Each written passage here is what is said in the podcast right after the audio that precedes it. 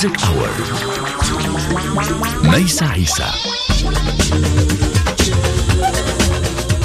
تحية وسلام لكم أينما كنتم في عالمنا الشاسع والواسع. اليوم ميوزك أور ملونة بالترحال بالسفر بالموسيقى. بالإيقاع بالسفر بين اللغات لأنها تغني بالفرنسية بالبرتغالية بالإسبانية بالسفر بين القارات لأنها ولدت في البرازيل في بورتو أليغري ولكنها وصلت إلى فرنسا ومن ثم عاشت في بوينس آيرس. أي أنها بكل بساطة مسافرة.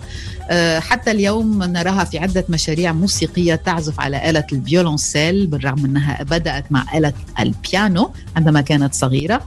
ولكنها انتقت هذه الآلة آلة الفيولونسيل وحطت في حكايات موسيقية ملونة منها مشروع جميل جدا كنا قد قدمناه في ميوزك اور بيردز اون واير مع صديقتها روزماري ستاندلي ولكن أيضا لديها مشوارها الخاص السولو الذي بدأ عام 2013 عندما التقت ببيرس فاتشيني وقامت بتسجيل ألبومها إلا الأول ومن ثم ألبوم سويو عام 2015 وصولا الآن إلى الألبوم الثالث تيمبو الوقت الذي اليوم تحدثنا عنه دوم لانينا في ميوزك اور Bienvenue دوم لانينا Merci, bonsoir, bonjour. Bonjour, hola, euh, bo, euh, bon dia.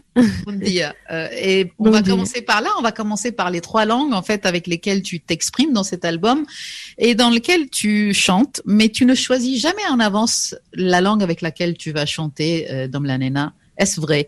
أنت لا تنتقين مسبقا اللغة التي ستغنين بها دوم لانينا، هل هذا الشيء صحيح؟ Disons que je choisis pas en avance la langue dans laquelle je vais écrire. Euh, je, en général, quand, quand, je fais une chanson, je commence plutôt par la partie musicale et je trouve que chaque langue euh, euh, a sa, son rythme, a sa musicalité. J'imagine que toi aussi, tu dois, tu dois observer ça avec l'arabe et le français qui sont, qui sonnent pas du tout pareil, qui ont pas les mêmes sons, qui ont pas, le même, la même cadence, quoi. Et donc, euh, certaines mélodies demandent par elles-mêmes de, des sons qui soient portugais, espagnol ou français c'est toutes les trois évidemment c'est des langues latines qui ont quand même beaucoup de choses en commun mais qui ont qui ont quand même des sonorités très propres chacune euh, même si souvent on, trouve que le portugais l'espagnol c'est très proche mais en fait pas pas vraiment en fait il hein, y a il y a quand même euh, la racine des mots et évidemment euh, reste souvent la même mais mais mais il y a il y a un rythme il y a une sonorité qui est pas du tout la même dans dans les deux langues. Et hum, et puis surtout, il y, a une, il y a une tradition. Je trouve que chaque langue a un peu une, une façon de une, fa... une, une tradition dans, dans l'écriture et dans le dans le dans le dans la poésie qui fait que je pense je trouve parfois qu'il y a des choses que qu'on peut écrire en portugais qu'on pourrait pas forcément écrire en, ou chanter en français. Mhm. Euh, et donc voilà, c'est des choses comme ça, mais qui sont un peu inconscientes. Hein, c'est un peu mystérieux. Je saurais pas vraiment. Euh, euh, mettre le doigt euh, sur sur euh, la raison du choix à chaque fois. C'est vraiment. D'ailleurs, ça m'arrive dans un même morceau. Pardon, excuse-moi, c'est vrai qu'il faut que je traduise. Se passer d'un morceau à un autre. إذا هناك هناك musicalité أي هناك إيقاع موسيقي مختلف le son, la cadence, الصوت, الإيقاع. هناك جذور بالطبع مشتركة لاتينية ولكن هناك حكاية لكل لكل لغة. نقول أحيانا مثلا بأن الإسبانية والبرتغالية البرتغالية يشبهون بعضهم البعض ولكن هذا الشيء ليس صحيح بالرغم من الجذور المشتركة. جذور الكلمات مختلفة. هناك دائما إيقاع وصوت مختلف. هناك تقليد أيضا في طريقة الكتابة في الشعر. هناك أشياء نكتبها بالبرتغالية ولكن ليس بنفس الطريقة بالفرنسية ويبقى الانكونسيون ميستيريو أنه شيء غامض وغير واعي ما يحدث عندما أغني بلغات مختلفة لا أستطيع أن أفسر فعلا بشكل واضح هذا الشيء c'est vrai qu'il y a la traduction. On oublie, mais elle revient. Oui, oui, pardon. C'est vrai que quand on se lance sur un sujet, on a tendance à, à commencer à parler et à oublier que après toi, tu as cette virtuosité de, de tout traduire. entre ce que tu dis et ce que je dis. C'est vraiment très virtuose d'ailleurs hein, de, de, réussir parce que c'est vrai que moi je récemment par exemple ça m'arrive de, de voir euh, j'ai j'ai une fille et ça m'arrive de devoir lui traduire des choses euh, des livres ou des histoires comme ça en en, en, en simultané comme tu fais Et c'est super dur, je trouve. quand même. أجد بأنه صعب ما تفعلينه أن أن أن تترجمي مثل ما تترجمين هكذا لأن أنا لدي بنت صغيرة وأحيانا أترجم لها الكتب وأجد أن هذا هذا شيء صعب فعلا. Teu coração bate juntinho ao meu, bate pra aquecer uma vida inteira, nova história pra E eu fico aqui só pra você. É só chamar que eu já tô esperando você vir e me levar. Agora é tudo pra você, o que você quiser. Um belo dia vai nascer fleurs, des.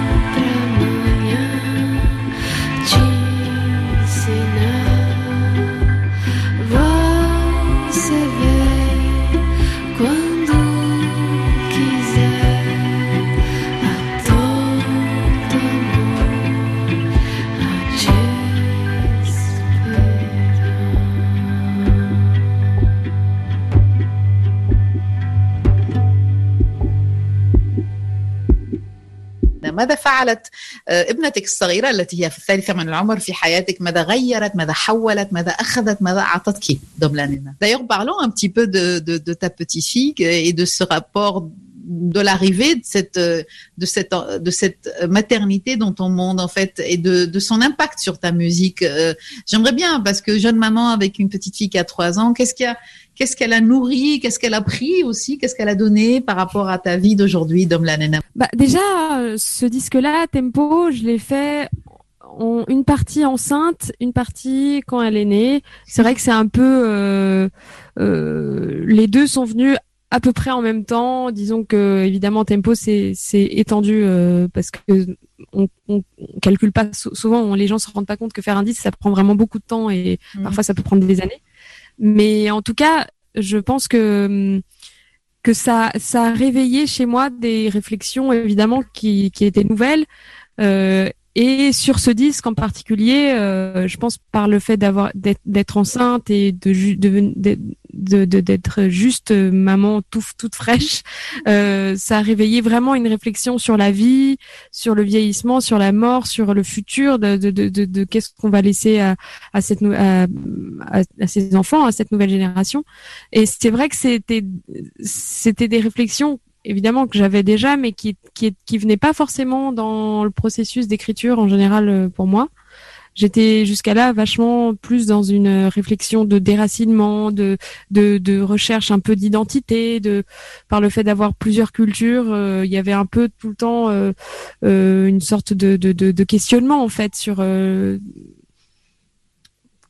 sur le, la, la, construction au, fin, au, final de ma propre culture à moi, puisque je, suis un peu un mélange de, de, de, de trois cultures différentes. Euh, et c'est vrai que là, au moment où je suis devenue maman, au niveau de l'écriture, bizarrement, c'est devenu euh, assez.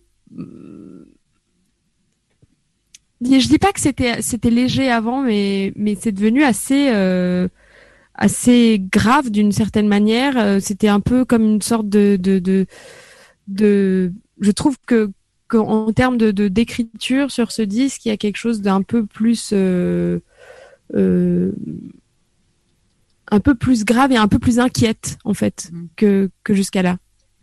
اذا أعتقد بأن هذا الألبوم الذي كتبته جزء منه أنا حامل وجزء منه أنا كنت حامل ومن ثم عندما وصلت ابنتي الجزء الآخر فعندما كتبت في هذا ما بين بين الحمل ووصول ابنتي أعتقد بأن هذا الشيء أيقظ تساؤلات جديدة في نفسي تساؤلات عندما كنت حامل ولكن أيضا عندما أصبحت أم تساؤلات جديدة تفكير بالحياة بالموت بالمستقبل ماذا سنترك لأجيالنا القادمة.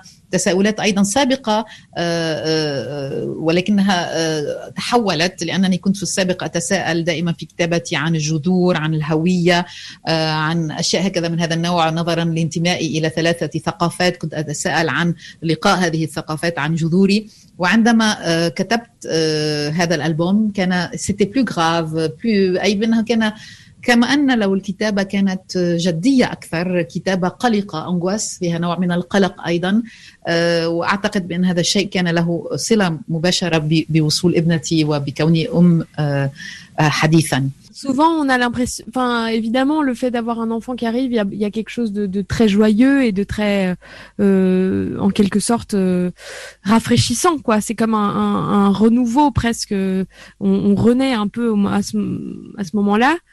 mais il y a aussi quelque chose de, de, une conscience d'une responsabilité euh, tellement énorme et tellement voilà c'est c'est une nouvelle vie euh, qui que qui est amenée par vous et qu'il faut et en fait euh, je trouve que de nos jours c'est tellement angoissant l'idée de de, de, de mettre quelqu'un qui va...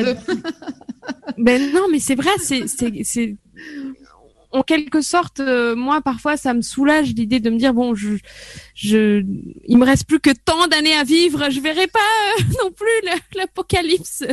Mais nos enfants, est-ce qu'ils les verront? Comment ils seront quand ils, enfin voilà, c'est quel monde il, leur restera en fait? Ouais. Et, et je pense que c'est ça, voilà, c'était c'est c'est un, un questionnement qui est quand même très très présent dans le disque.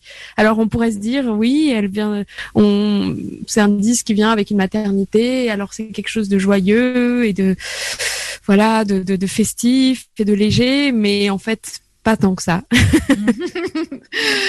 اذا أعتقد بأن الفرح موجود في أي ولادة لأن عندما يصل أي طفل إلى العالم نفرح هناك نوع من الانتعاش هناك ولادة من جديد ولكن أيضا هناك مسؤولية هائلة انغواسونت أي إنها تجعلنا نقلق قليلا في أي عالم سنترك الطفل إلى أي عالم يأتي هذا الطفل وحتى لو أنا لم اعش كفاية لكي أعيش ما, ما يسمى بنهاية العالم ابوكاليبس ولكن هل ماذا نترك لهم؟ ماذا نعمل معهم؟ ماذا ماذا نترك لهم للأطفال؟ وربما هذا ما هو موجود في الألبوم اليوم.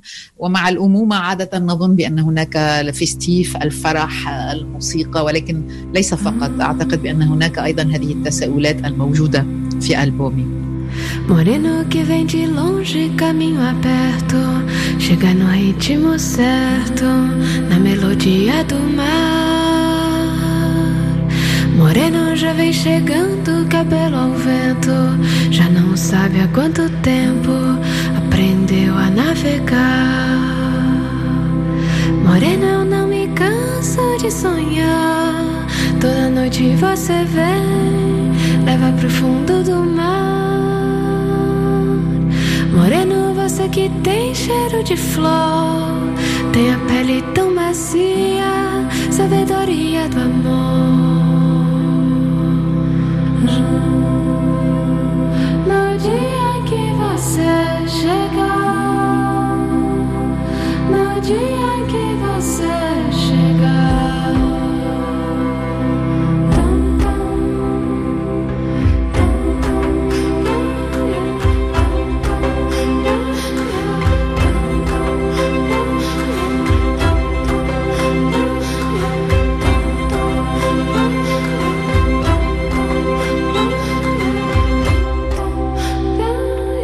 Moreno que vem chegando, invadindo a ausência.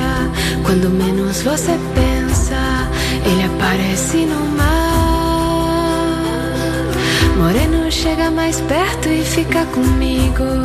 O tempo é o inimigo de quem vive a esperar. Morena, eu não me canso de sonhar. Toda noite você vem, leva pro fundo do mar. Moreno, você que tem cheiro de flor, tem a pele tão macia, sabedoria do amor.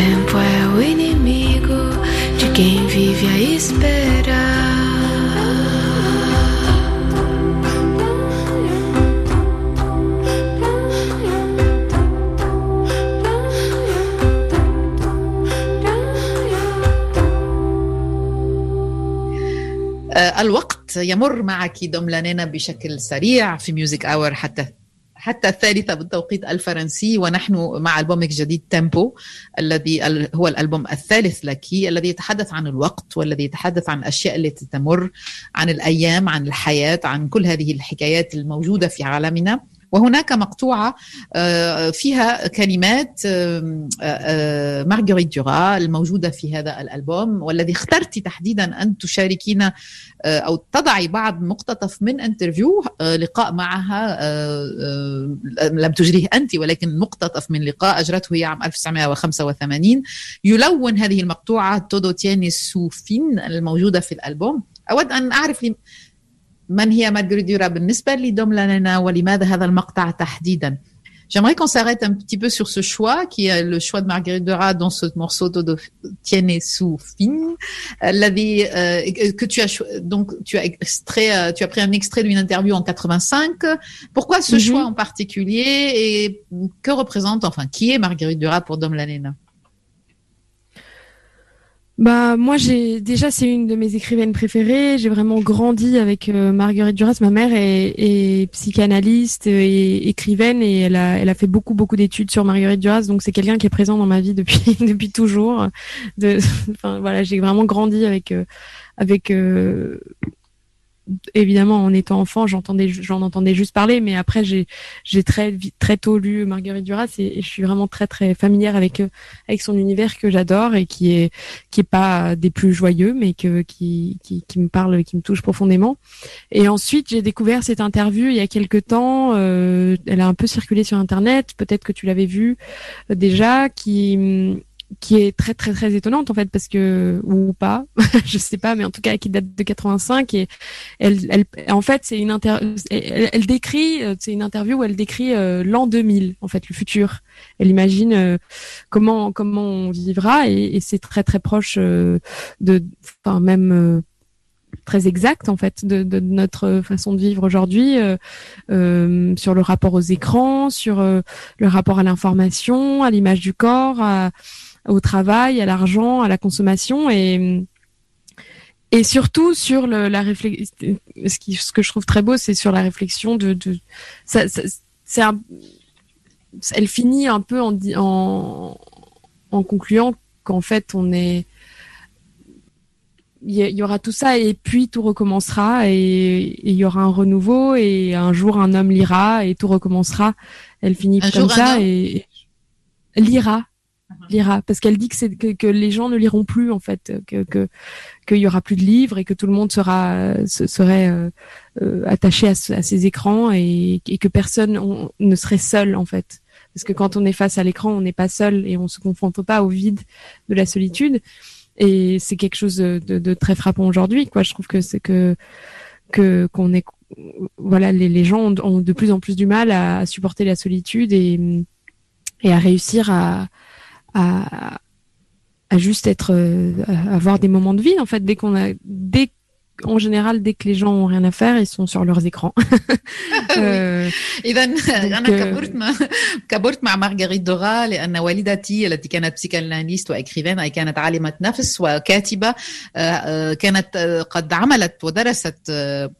أعمال وكتابات مع الراحلة مارغريت دوغا وأنا طفلة عندما كنت طفلة سمعت كثيرا عن مارغريت دوغا ولكني سرعان ما قرأت كتبها وأحببت هذا العالم لونيفير باتري جويو غير سعيد جدا ولكن أحب هذا العالم الغير فرح الذي كانت كان عالم مارغريت دوغا وهذه المقابلة الغريبة التي تنتمي إلى عام 1985 والتي تروي فيها مارغريت دورا سنة 2000 تروي هذه السنة في في الثمانينات تتخيل نوعا ما بماذا سيشبه عالمنا وفعلا هو يشبه ما نعيشه اليوم أي ليزيكران الشاشات. علاقتنا بالجسد الإيماج دو نوتر كور الإيماج دو طريقة جسدنا ولكن أيضا العلاقة بالمال الكونيكسيون انترنت التي تسمح لنا كل وقت أن نقوم أن نكون أمام الشاشات وتتحدث عن هذه القدرة عن هذه الفترة التي ستصل إلى نهاية. ومن ثم recommencer أي تبدأ من جديد عندما في يوم من الأيام رجل سيقرأ من جديد. Un homme va relire et, et, et, les portes. هذا الشيء سيفتح الباب من جديد القراءة العودة إلى القراءة لأنها تتخيل ما نعيشه اليوم أي الشاشات, في كل مكان وعدم القدرة على عيش السوليتود الوحدة. لأننا لا نستطيع أن نعيش اليوم من دون شاشة وعندما نكون أمام الشاشة فنحن لسنا بوحدنا أو على كل حال لسنا بصلة مع أنفسنا. Bah, d'ailleurs, ça rejoint, ça rejoint un peu ce qu'on disait avant sur euh, sur euh, sur le, le, futur, sur euh, sur l'incertitude de, de, de, de, notre de notre durée sur cette planète en fait. Et et et je trouvais que ça rejoignait ce qu'elle disait rejoignait beaucoup ce que disait la chanson Tiane Soufine parce que c'est une chanson justement qui parle du fait qu'on finalement on est on, nous on est, on est l'homme n'est qu'un accident, n'est qu'une poussière en fait dans dans l'histoire de la de la Terre et de, de l'univers et que nous sans, sans doute on n'arrivera pas à survivre à long terme, mais mais la planète elle continuera à sa façon et, et elle se réinventera forcément d'une façon ou d'une autre, alors que sans doute pas nous. اذا هذه plus gay. أعتقد بأن هذه المقطوعة تتحدث أيضا عن المستقبل آه، وربما ما قالته مارغريت درا موجود في مقطوعتي أيضا لأنها تتحدث تودو تياني سوفين المقطوعة عن هذا الشيء تتحدث عن عن لانسيرتيتود دو لا دوري دو لا بلانيت أي عدم آه، آه، قدرتنا على معرفة كم من الوقت ستعيش هذه سنعيش على هذه الأرض وتودو سوفين تتحدث عن هذا الشيء نحن لسنا الا باكسيدون أو بوسيير أي أننا لسنا إلا بحادث من حوادث هذه الأرض نوعا ما أو غبرة من حبات الغبرة على هذه الأرض. نحن لن نعيش متونا ولكن الأرض ستتابع مشوارها ستتأقلم وستعيش من جديد.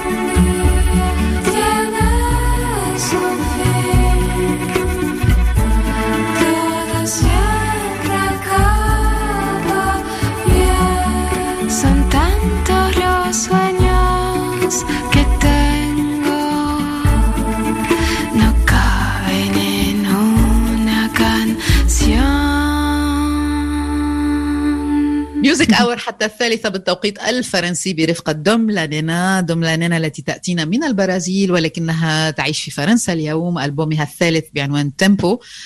س...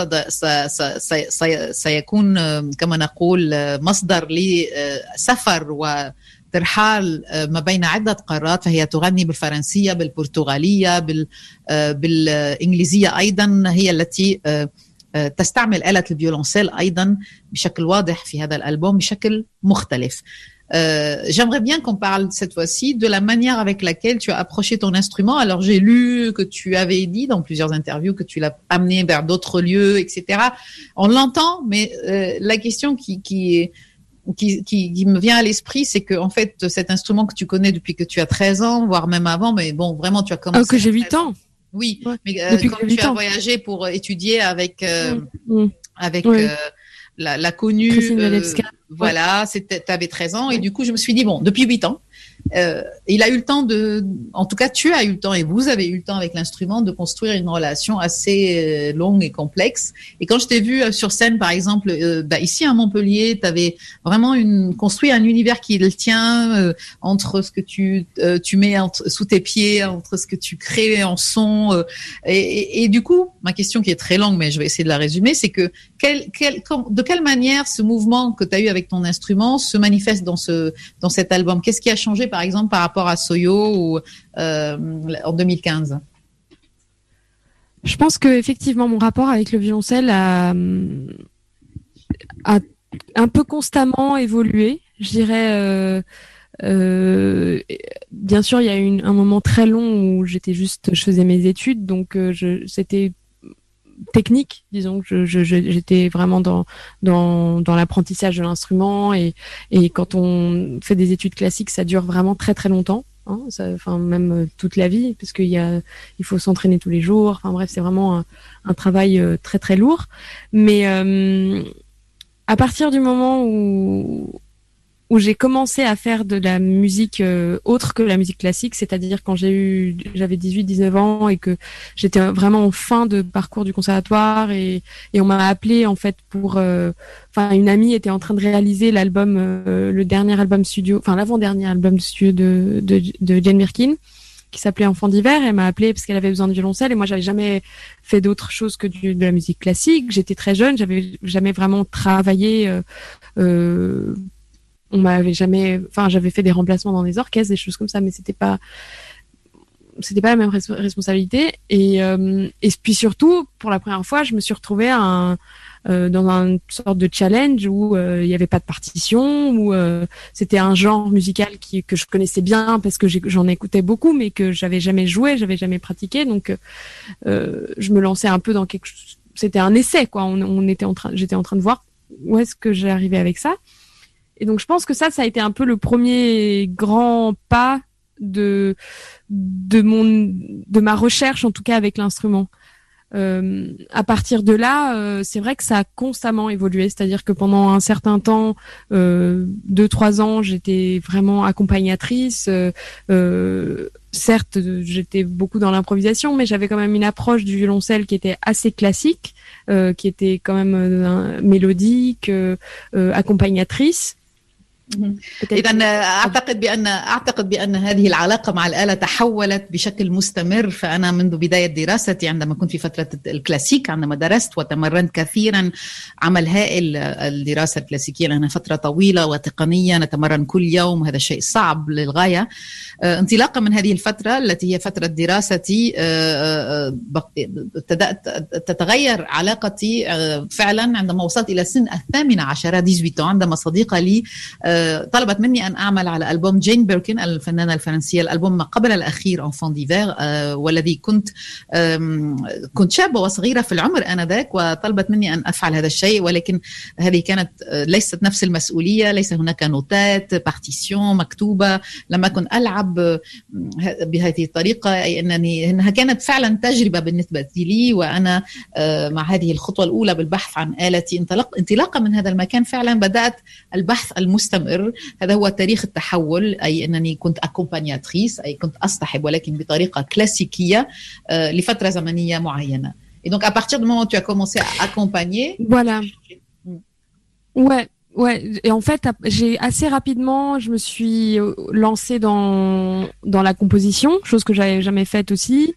En parallèle de de de, de ce travail d'accompagnatrice, j'ai commencé à composer, j'ai commencé à chanter euh, mes chansons euh, et puis euh, j'ai commencé à travailler sur le fait que c'est vrai que bizarrement c'est un peu je sais que ça paraît un peu contradictoire mais en général je compose pas au violoncelle. Je compose plutôt au piano ou à la, ou à la guitare ou c'est assez rare que je compose au violoncelle justement parce que c'est pas vraiment un instrument qui est fait pour ça. À la base c'est plutôt un instrument euh, mélodique soliste en fait euh, et puis, euh, je me suis retrouvée avec mes chansons. Il fallait que je les chante. Enfin, je, je, voulais les chanter. Donc, du coup, je me voyais pas, même si je les composais au piano, je me voyais pas faire des, un piano-voix ou un guitare-voix.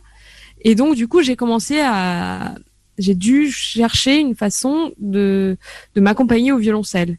Mmh. Et, et ça a été quand même, ça m'a pris euh, euh, un ou deux ans d'être à la maison, le temps que je construise mon premier disque, de m'entraîner. J'ai fait beaucoup de tout petits concerts dans des tout petits bars. C'était vraiment, voilà, particulier, mais c'était vraiment histoire d'essayer des choses et de d'essayer de me de voir qu'est-ce qui marchait, qu'est-ce qui marchait moins bien. Enfin, je me suis construite un peu au fur et à mesure comme ça. إذا آه، قمت في تلك الحقبة آه، بالتأليف وبالغناء أيضا كومبوزي شونتي وكنت في تلك الحقبة دائما أؤلف على آلة البيانو أو على الجيتار لأن آلة الفيولونسيل ليست آلة هي آلة ميلوديك لا لا تسمح فعلا للسوليست اذا لا تسمح لنا بان أن نؤلف فعلا. ولكن لم أكن أريد أن اكون أن أقدم مقطوعاتي أو أغنيها بيانو فوا اي صوت مع البيانو أو جيتار فوا اي جيتار مع البيانو. لذا بدأت أستخدم آلة الفيولونسيل وأن أسخرها قليلا رويدا رويدا لهذه التأليفات ولهذه التأليفات التي كنت أقدمها وكنت أعزف في بار مقاهي صغيرة يمينا شمالا لكي أتدرب وهكذا بدأت فعلا عملية تحول وعلاقتي مع آلة الفيولونسيل. Et d'ailleurs, on entend et puis, Et puis ensuite, j'ai commencé à travailler avec Rosemary sur Birds on Wire. Et du coup, ça a créé encore autre chose où, euh, où c'était un, On était vraiment essentiellement sur le violoncelle voix, mais c'était pas notre répertoire à nous, c'était des reprises, donc c'était se réapproprier. Finalement, c'était c'était vraiment un exercice très intéressant et très constructif en fait pour moi euh, euh dès le départ Birds on Wire parce que ça me permettait de de de, de, de de voir jusqu'où, enfin vraiment, j'imaginais pas que je pouvais faire euh, tout ça juste avec mon violoncelle. En fait, c'était vraiment euh, le défi de réussir à se réapproprier de tout ce répertoire qui était pas du tout fait pour ça. Ouais. Et, euh, et de, en fait, la grande surprise de voir que, bah, en fait, ça marchait très bien. Enfin, c'est ça. oui, très. Nous confirmons. Nous hacked. Non, mais en tout cas, ça, enfin, on aime, on n'aime pas, mais en tout cas, ça pouvait, ça, ça c'était techniquement possible, chose qui était que je ne pensais pas forcément euh, je, je, voilà, je faisais un peu une croix dessus. Je, enfin, je sais pas, c'était pas quelque chose qui me venait tout de suite à l'esprit en fait au départ.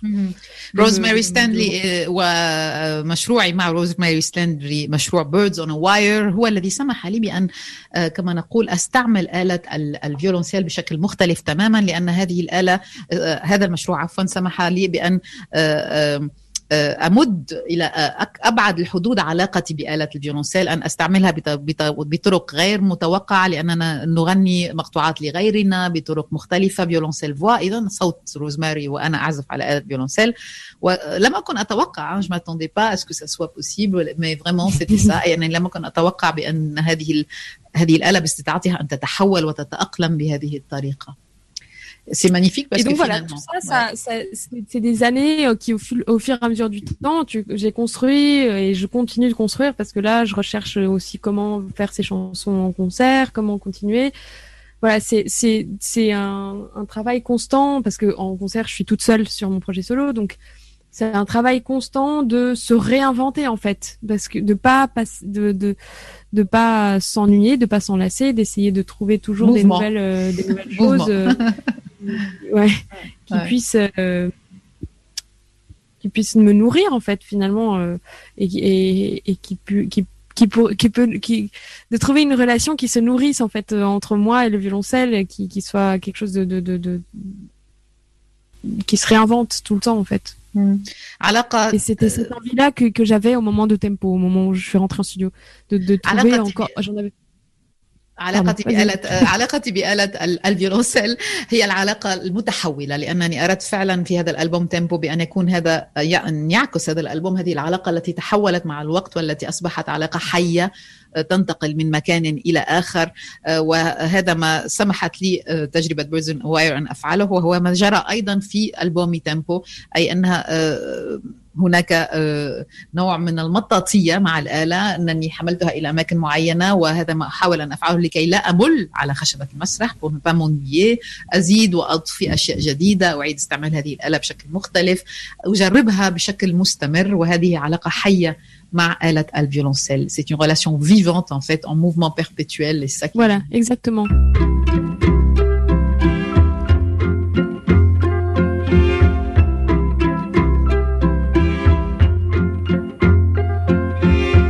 Le temps qui passe sur ta peau. Il y a une ombre qui passe derrière ton dos. Je vois des gens Aujourd'hui il fait beau, toi il t'en faut bien moins pour avoir le cœur chaud.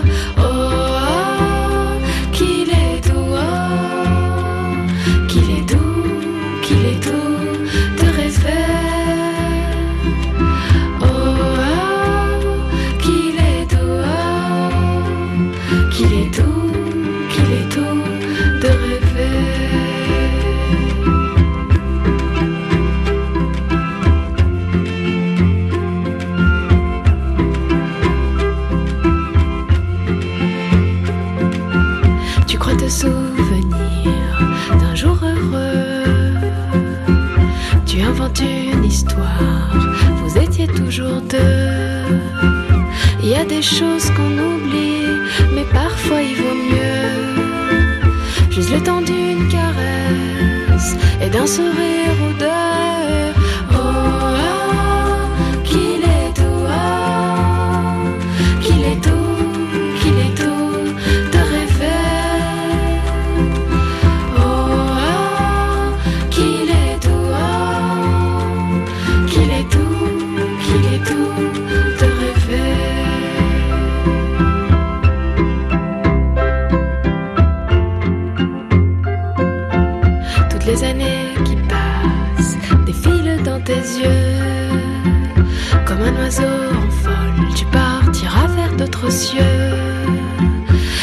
gens qui pensent que c'est impossible d'être heureux. Pour toi, le temps s'arrête lorsque tu fermes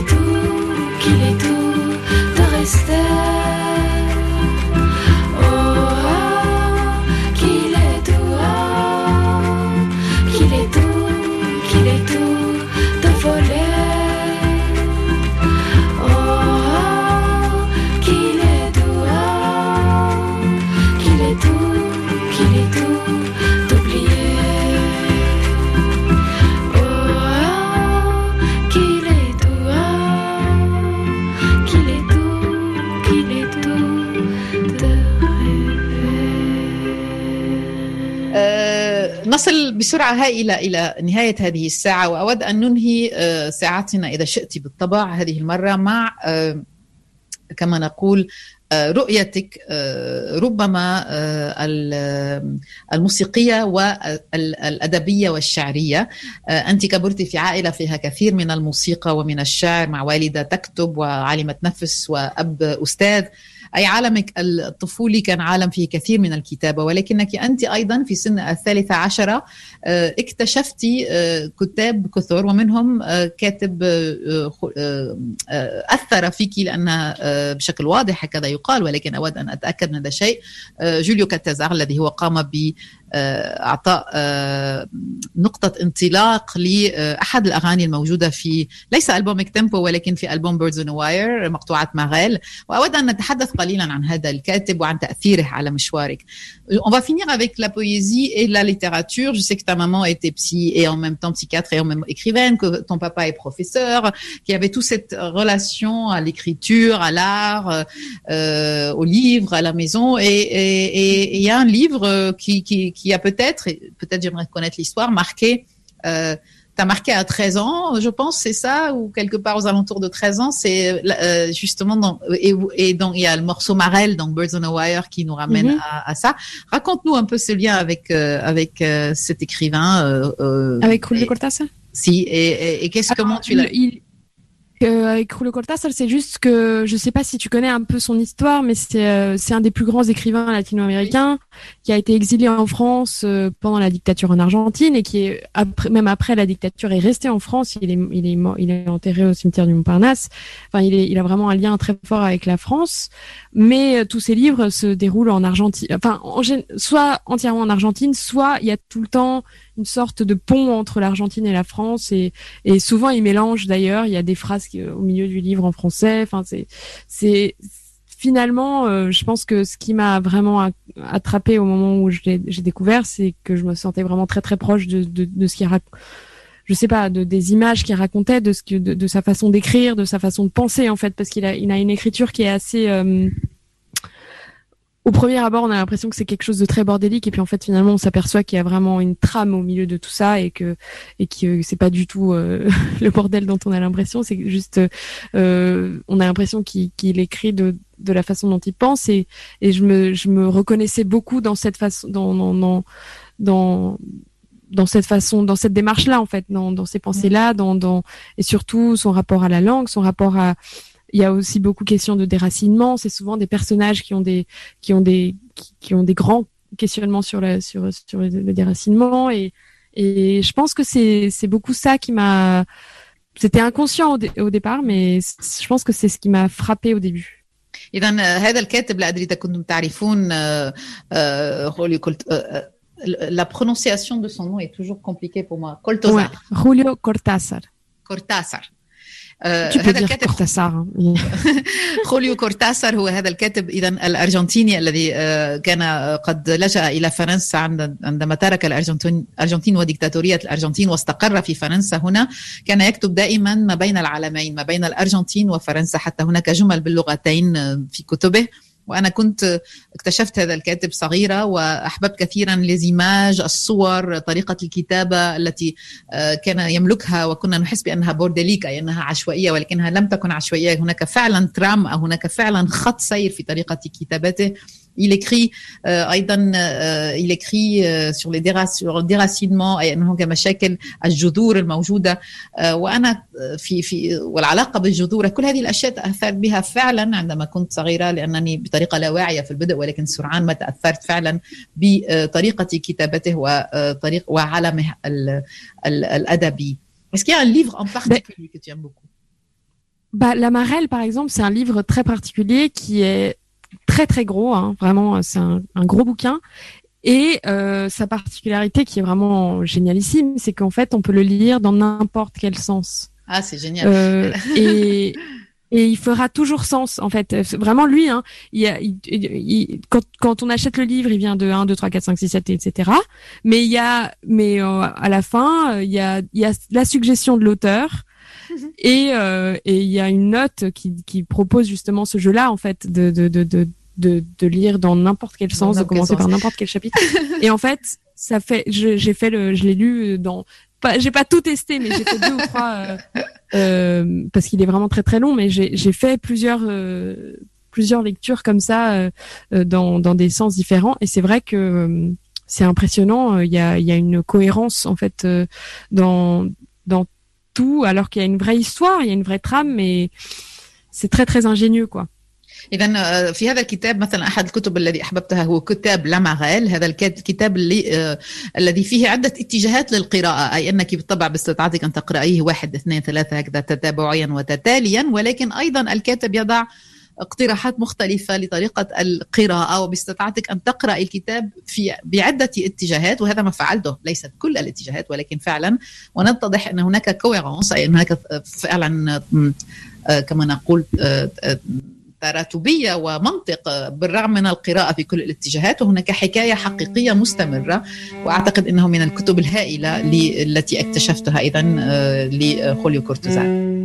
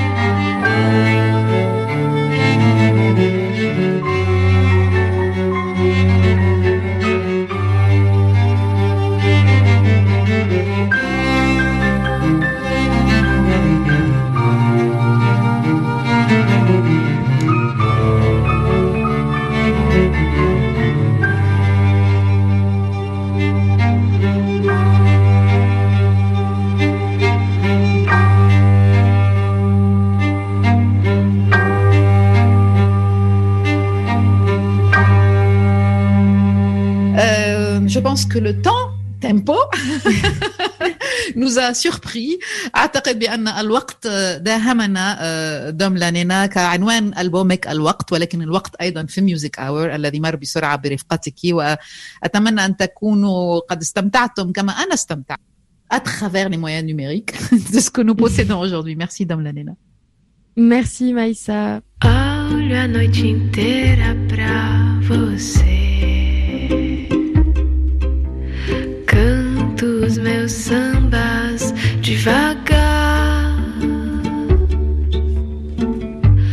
Ao canto da noite eu já nem sei. Eu só sei fazer samba pra você. Passo a minha vida ao luar, na doce ilusão de ser feliz. Olha, um dia você vai entender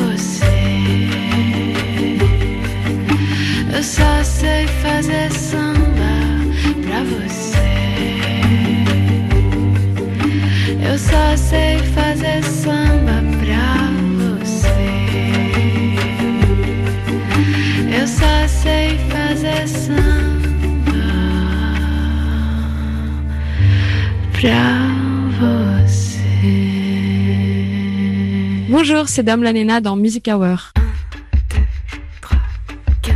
Vejo passar pela janela as estações de trem. Passo o inverno, passo o verão. Quando você vem, vejo a lua e as estrelas. E vejo o sol também. Por mim passam tantas pessoas. Sem você não sou ninguém.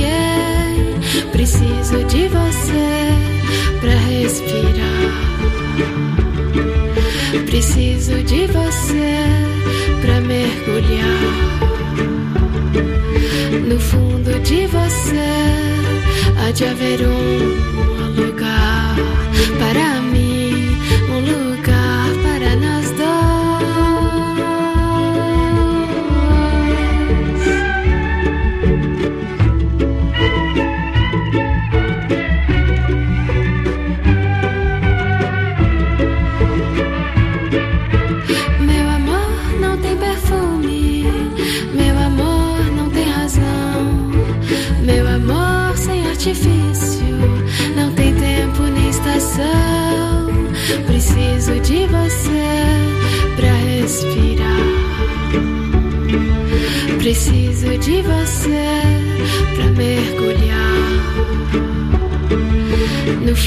de você.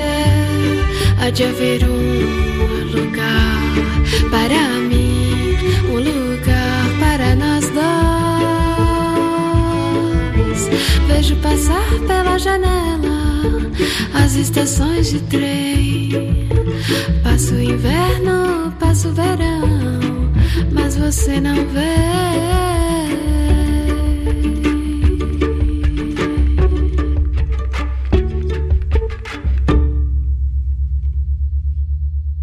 ميس عيسى.